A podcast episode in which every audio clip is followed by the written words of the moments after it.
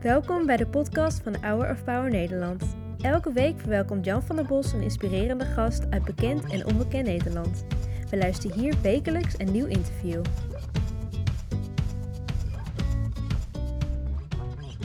No matter who you are, stand with us. We're going to say this creed together. Hold your hands like this. As a way of receiving from the Lord, let's say this together. I'm not what I do. I'm not what I have.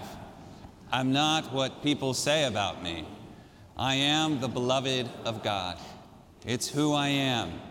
No one can take it from me. I don't have to worry. I don't have to hurry. I can trust my friend Jesus and share his love with my neighbor. Thanks, you can be seated. Make a decision today to follow Jesus. If you do that, everything that I'm going to tell you in the rest of today's message will be possible for you. That is, if you're going through an incredible hell, difficulty, fire, challenge, setback, there's no tragedy God can't turn around, no challenge He can't get you through, no chain or burden in your life He can't break, no sickness He can't heal. He can do it all and He will do it all. But it's your first step to follow Him and go where He goes. Let's begin with Winston Churchill, shall we? It's interesting when we look at history, it's important to remember World War II comes after World War I. Most obvious thing I could say, right? But what we forget is how terrible and awful the First World War was for the whole world. War before that time had already been terrible and horrible, but not at this level. Before World War I, people would march into war in blue coats and white gloves and feathers on their hats. They had horses and cannons. They would load guns, but it would you'd pour the thing in and push the thing in and fire, right? And it was it had this gallant kind of feel to it. Now, I'm romanticizing it a bit, but you compare that to what actually happens in World War I when people are being gassed to death, machine gunned to death. All the uniforms turn into camouflage, and there's barbed wire and tanks and, and just brilliant, beautiful young men being thrown at a meat grinder in the tens and hundreds of thousands over one inch of military mile. When World War I was over, the whole world was done. They never wanted to go to war ever again. And it was so awful the way that the war even started. It was, it's hard to explain what it was even about. It was essentially just the assassination of one guy that led to this weird cascading effect of multiple alliances. And so after World War I, we forget that the whole world was done. Nobody wanted to go back to war. Because of this, we often like to dunk on Neville Chamberlain, the Prime Minister of the United Kingdom before Winston Churchill, who fought like crazy to keep peace in Europe. But by the time Winston Churchill had come to power, almost all of Europe had come under the evil grip of Hitler. And it was only two weeks, uh, two weeks after he came to power, uh, France had fallen under German rule. Uh, I think it was about 300,000 British troops had escaped during the Battle of Dunkirk, and it looked like almost for sure Europe was going to be a Nazi state.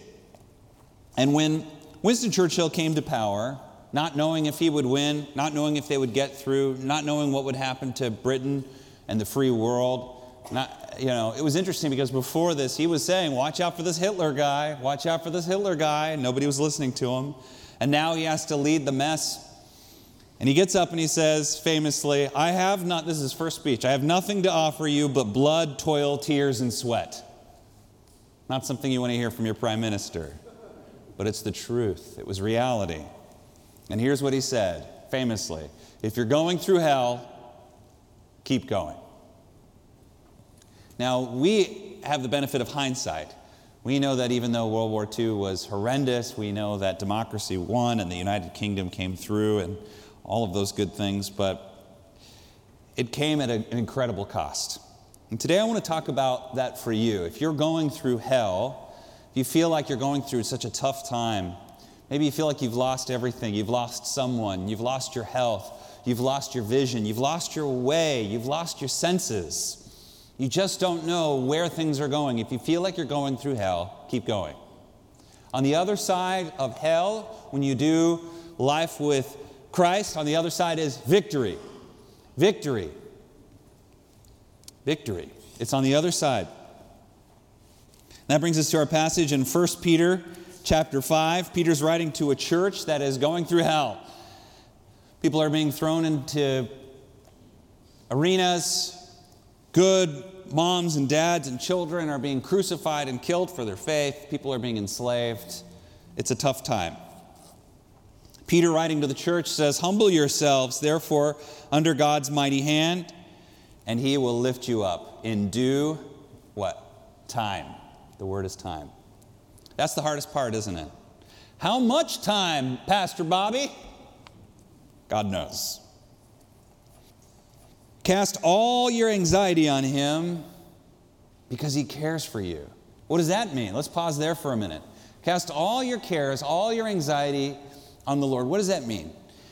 You ever been going through a tough time, a difficult phase in life, a challenge, something you couldn't predict? You did everything right, but everything's going wrong, and you don't know why, and you just feel like you can't take a breath. You can't stop thinking. You can't sleep. You're tossing in bed. Here's what I want you to do I want you to cast that on the Lord. The way you do that is you feel it in your body, you stop for a minute, and you just say, Lord, here is whatever, this thing. Help me with this. I put this on you. I trust this with you. I know what your word says. I know your character. I know what your spirit does. I know you're the kind of God that raises the dead from the grave. I know you're the kind of God that heals. I know that you're the kind of God that provides. And you say to me, Hold on, Pastor Bobby, if I did that, I would be doing that like every 15 minutes. Anybody feel that way? If I just felt stress in my body and paused and gave it to the Lord and prayed, I would be doing it every 5, 15, 10 minutes, once an hour. Here's a question I have for you. If you stopped every 15 minutes because you felt that way and put it on the Lord, would your life go better or worse? Here's a promise your life will get better, not worse, if you do that, even if it's every five minutes. Here's a promise you'll be more productive, not less productive. Here's a promise you'll be smarter, not dumber. Here's a promise you will sleep better at night. Here's a promise God will come through for you. And you'll begin to see that He's walking with you through the valley, through the darkness, through the difficulty. God doesn't take us from failure to failure, He takes us from failure to victory. If you're going through hell, keep going. Keep going. Peter keeps on going. He says, So be alert and of sober mind. Your enemy, the devil, he prowls around like a roaring lion for someone to devour. He roars because he's trying to see who will be a coward, who will be afraid, who will give up, who will quit, who will give in to procrastination and fear and all the things that consume every single person in this building every day. Who is going to fall victim in that way? Okay, and so what Peter says is just resist them. Stand up, stand firm in your faith, because you know that the family of believers throughout the world is undergoing the same kind of suffering. And this last line, not super famous, but my favorite, here's the point of it all. And the God of grace, who called you to his eternal life in Christ, after you've suffered, suffered just a little while, will himself restore you. Everybody say, I'll be restored. Okay? That's a promise, it's in the Bible. And he'll make you strong. Say, I'll become strong. And he'll make you firm. Say, I'll become firm. And he says, and I'll make you steadfast. Say, I'll become steadfast. This is the point of the crucible, of the fire of the valley. The whole point is that whoever goes in to the crucible does not come out the same way. Whoever goes into the fire does not come out the same way. Whatever you're going through right now, God can turn it for good if you keep going. If you're going through hell, keep going we take action. Get serious. Get serious about your dream. Get serious about what you're called to do. This is your life. Get serious. Take action now. If you're going through hell, don't freeze there. If you're going through hell, keep going. Pay the price. If God asks you to pay a price, it's because there's a reward for the price. Sure doesn't feel like it when you're when you're doing it. It's hard to be a dad, a mom, a grandma, a grandpa. It's hard to be a leader. It's hard to be a son or a daughter. It's hard to be a brother. It's hard to be a friend. It's hard to be a good worker. It's hard to be an entrepreneur. It's hard to be an artist.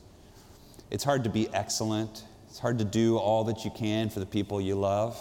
Pay the price. It's worth it. When you get to the end of life, if you paid the price, you'll be glad that you paid the price. If you get to the end of life and you didn't pay the price, you'll regret not paying the price. Pay the price. Jesus Christ in the Garden of Gethsemane, weeping, Father, take this cup away from me. You think Jesus wanted to go to the cross? Surely not. And he said, Lord, take this cup from me. Please take this cup away from me. And then what? But not my will, yours be done. He knows that the will of the Father, even if it's a cross, that there's something even better on the other line. And there was. We call it resurrection. We call it the salvation of the world. We call it the reason I can go to heaven. We call it the ongoing redeeming work of the kingdom of God because of one person's faithful action to do and what needed to be done to pay the price. Your health has a price. You want to be healthy, you got to pay the price. You want to live a long time so your grandkids get married, you got to pay the price. You want to feel good, you got to pay the price. You want your family to develop well, you got to pay the price. You want your kids to be good kids, your grandkids to be good grandkids, even though it's not fair that this or that happens, you got to pay the price. You have a dream before you, something you've always wanted to do, you have to take action. And trust me, my friend, it's worth it. God's going to bring you victory, He's going to bring you through. And when you get to the other side, you say, It was a hefty price, but the reward was even better. I'm glad I sold everything. I'm glad I bought that land because there I found the pearl of great price. Some of you, you've been through so much stress in your life, you should have lost your mind. But you haven't. You're probably a lot closer to the end than you think. If only you could know where the end was. But I promise you, the end will be worth it. Some of us have been burned too many times. Beautiful place nearby, Peters Canyon. Used to go there all the time on a hike. And uh, it was so wonderful, canopied with trees and had a lake in the middle. But then California went through a drought, and they had to drain the lake. Slowly but surely, it went down. And all the fish and the birds went away, but we still had the trees. But as the drought continued, it got drier and drier, the ground got harder, and the path got dustier, and it just felt hotter in general. And then one day, the worst thing ever happened there was a wildfire, and all of Peters Canyon burned to the ground. And I remember just looking at it like it was a comic book with smoke over it, and all the trees, all the flowers, everything was gone. All that was left was ash. It looked like a, like a ashtray with leftover cigarette butts, just and this used to be my favorite place, and I, I just remember grieving for it. Last week I went walking through, and wouldn't you know, there's been a lot of rain this year. The lake is full of water, full of fish, and there's birds everywhere. The trees are bigger and greener than they've ever been. All of the flowers and all of the, the pinks and purples and yellows. We always forget, although that, those fires are hard to see and hard to experience, they're just a part of nature. They actually make the ground more fertile. They actually get rid of a lot of the stuff that's not supposed to be there. Peters Canyon has probably been burned down a thousand times and has come back a thousand times. And I remember thinking, Peters Canyon will burn down again and it'll come back again, just as it always has and always will. That's the weird thing about fires in our life when we're going through it, when we're going through tough times. We have to remember that there is something good that come, come out of it. It's not always a good thing. It's not always God's plan or our plan or whatever. But here's the thing talent, personal development, personal achievement, personal growth, it's forged in a fire. Diamonds are made under pressure. Gold is extracted in a crucible. A crucible is a big clay pot. You take a lump of bad metal and good metal and you put it in, and that's how you get the gold out. There's gold inside of you, but it's lumped together sometimes with a bunch of other stuff. And walking through the crucible with the Lord means that what comes out will be gold. What comes out will be gold. God will bring you victory, He'll bring you through. So here's what we do Here's the weirdest thing I'm going to say all day. This is the point of the whole sermon. Cast your cares on Jesus and walk like a turtle. Or a tortoise, the same thing. Tortoise is just a bigger turtle, right? Somebody's going to correct me. I don't know if that's true, but. you ever seen a turtle walk? It looks like every step is suffering. You know the tale of the tortoise and the hare, don't you? By Aesop, a couple thousand years old, a, a rabbit and a turtle decide to have a race. Who wins? The turtle. Why? Doesn't make any sense. The rabbit's faster, clever, right? Why? Why? There's something built into a tortoise that's not built into a rabbit, and that is you just keep going. Every step is slow. Unless you're swimming, turtles sure can swim. But when they're walking, it's like every step is pain, everything is difficult, but they just keep going. If you're going through hell, my friend, keep going. Heaven's on the other side. If you're going through hell, my friend, keep going. Health is on the other side, victory is on the other side, achievements on the other side, your dream is on the other side, your family is on the other side. The people that need you, that version of you, it's on the other side of hell. Keep going. Keep going. You're a lot closer than you think. Keep going. I was working at this Mexican restaurant in Oklahoma, and I was making a minimum wage, but then I saw a magazine article that said for $400 a month, I could buy a Porsche Boxster.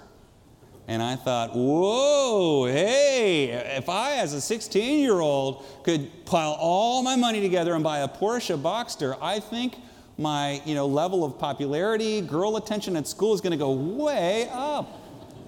I told about my dad about this clever idea about how I was going to, you know, look, I'm sure that $400 a month I could get a Porsche Boxster. And my dad said, that's the dumbest thing I've ever heard. He said, here's what you do with your $400 a month. You're only 16 years old. You put in the S&P 500. And he had me map it out on a sheet of paper, and that's the first time I saw it. We've all done it before, I'm sure. How does money accrue over time when invested? Now we all know that, and of course I didn't invest in the S&P 500 because I was a still stupid 16-year-old. I probably spent it on Abercrombie and Fitch. No Porsche though. The same is true with your personal development. You put 400 bucks away in one month, it doesn't turn into a million dollars all by itself. You put 400 bucks away every month over a few years, it turns into a fortune. This is not about money, this is about you. In, forgive me for this, this is the most dad thing ever, but invest in the S and Me 500. Is that okay? I know it's really corny, but you're actually not going to forget it. When you invest in yourself, $400 worth of effort, or books, or mentors, or looking in the mirror, or asking your spouse, How can I do better? As you continue to work on yourself like this, year after year after year, it will turn into a, an incredible, personal, heavenly kind of spiritual fortune in your life. That will have a financial benefit to you, but so much more. So much more. I want to encourage you to do that. If you're going through a tough time, I'm so sorry, it's so hard. You're going to get through it, my friend. Just keep going. God is with you, He's holding your hand, and on the other side is, is victory. You're going to do great, and I'm praying for you. Lord, we love you and we thank you for this opportunity to study your word, to hear from your spirit, that you give us your spirit when we need it most that we would live in that spirit. And thank you, Lord. We love you. It's in Jesus' name we pray. All God's people said, Amen.